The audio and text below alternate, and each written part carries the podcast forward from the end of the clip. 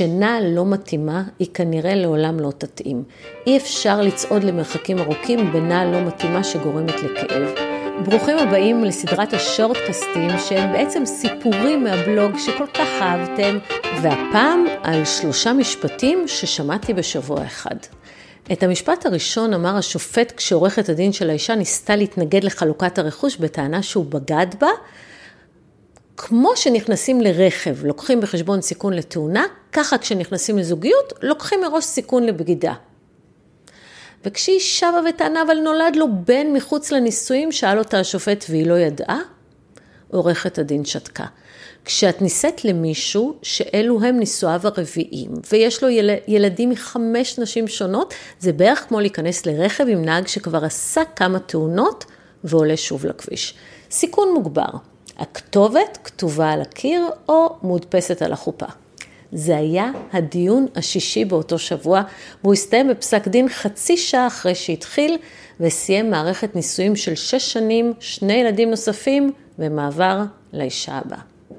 יום קודם לכן סיימנו בהסכם כמעט 50 שנות נישואים, אחרי כ-12 שעות חקירה, 10 שנות פירוד, ארבע שנות הליכים משפטיים, 15 קלסרים שמכילים אלפי עמודים, וכשההסכם נחתם, השופטת אמרה להם, היום החזרתם את הכבוד למשפחה. שניהם היו עם דמעות בעיקר מתסכול. לפני המון שנים שלמה עזב את הבית בשביל לחיות עם לימור, שצעירה ממנו בכמה עשורים. שלמה אף פעם לא היה גבר של אישה אחת, אבל לא היה נשוי לרחל 40 שנה, והיו להם ילדים ונכדים, שבט שלם ששלמה לא רצה לוותר עליו או לפגוע בשלמותו. וכך הוא מצא דרך ליהנות מכל העולמות. רחל נותרה לגור בביתם רחב הידיים. יחד הם הגיעו לאירועים משפחתיים, גם מהצד שלו. ארוחות ערב משפחתיות היו כמעט כל שבוע. הרכוש לא נמכר. שלמה המשיך לממן הכל. לצבור עוד רכוש, ורחל הייתה שם תמיד. אישה נאה, כלים נאים, אוכל טעים, בית מדהים, משפחה עם כבוד. ובבית השני, בעיר הסמוכה, חיו שלמה ולימור בחיים מקבילים. סטטוס קוו שהחזיק פחות או יותר עשור שלם, עד שנולדה ללימור ולשלמה בת. לרחל נמאס, היא רצתה לקבל חצי מהרכוש ולהתנתק משלמה. שלמה ממש לא אהב את הרכוש ויצא למלחמה. מרבה נכסים, מרבה מחלוקות, וכאן עלתה השאלה האם רחל ושלמה נותרו שותפים רק עד מועד עזיבתו את הבית, או גם בעשור שחלף, ובו לא חילקו ביניהם את הרכוש, וגם חלקה של רחל מונף לטובת רכישת עוד ועוד נכסים על שם שלמה. הם כבר בני 70 פלוס פלוס, אבל שניהם חדים, וכל אחד מהם מביא עדים, ועברנו יחד שלושה ימים והרבה הרבה שעות של חקירות. ולא נותר שם כלום מהכבוד המשפחתי שהחזיק אותם עשור שלם, ונותר עמוס כולו על רצפת אולם דיונים קטן. התחלתם ב-2019 ואתם תסיימו ב-2029, הניחה השופטת את נבואת הזעם שלה על המדוכה, ושניהם חישבו את מניין שנותיהם והבינו שבעשור השמיני לחיים, כל שנת חיים מבטאת אחוז גדול יותר ממה שנשאר.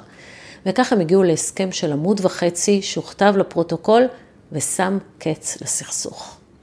והמשפט השלישי להיום הוא אנשים ונעליים. אם הם מכאיבים לך, הם לא במידה שלך. אחרי מערכת יחסים נרקסיסטית שכללה הפצצות אהבה, התעללות ושאיבה כל פעם מחדש, היא הבינה שעדיף לבד מביחד, והיא שלחה לי את מה שהיא כתבה, וזה היה כל כך יפה, שביקשתי רשות לפרסם, והנה תקשיבו גם אתם. השנה שחלפה הייתה כמו רגל בתוך נעל לא מתאימה. היא הייתה יפה ונוצצת ורציתי בה מיד. ככל שהתקדמו הצעדים, היא התחילה לכאוב, ואני, שממש רציתי אותה, חשבתי שתתגמש ושבסופו של דבר תתעצב על רגלי בנוחות, אבל זה לא קרה.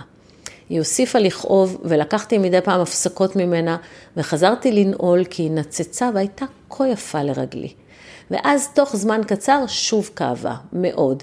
לעתים היו אלה פצעים של ממש שצרבו את אורי והותירו בו סימני כאב, עד ששלפתי אותה במהירות מרגלי ונשבעתי שלא אוסיף עוד להכניס את רגלי לנעל הזו לעולם. והימים חלפו, והפצעים הגלידו, וזיכרון הכאב הלך ודעך, ושוב היא בצבצה בארון הנעליים, יפה וזוהרת, ושוב הזמינה אותי לשים את כף רגלי בתוכה, ואני לתומי חשבתי שאולי אחרי שעבר זמן היא תתרכך, תתגמש ותתאים את עצמה למידתי. זה לא קרה. כשנעל לא מתאימה, היא כנראה לעולם לא תתאים. אי אפשר לצעוד למרחקים ארוכים בנעל לא מתאימה שגורמת לכאב. היום אני יודעת שעדיף להתהלך יחפה, חשופה, עד אשר אכניס רגלי לנעל שתתאים למידתי, כזו שאוכל לצעוד איתה למרחקים ארוכים, אולי עד לאינסוף.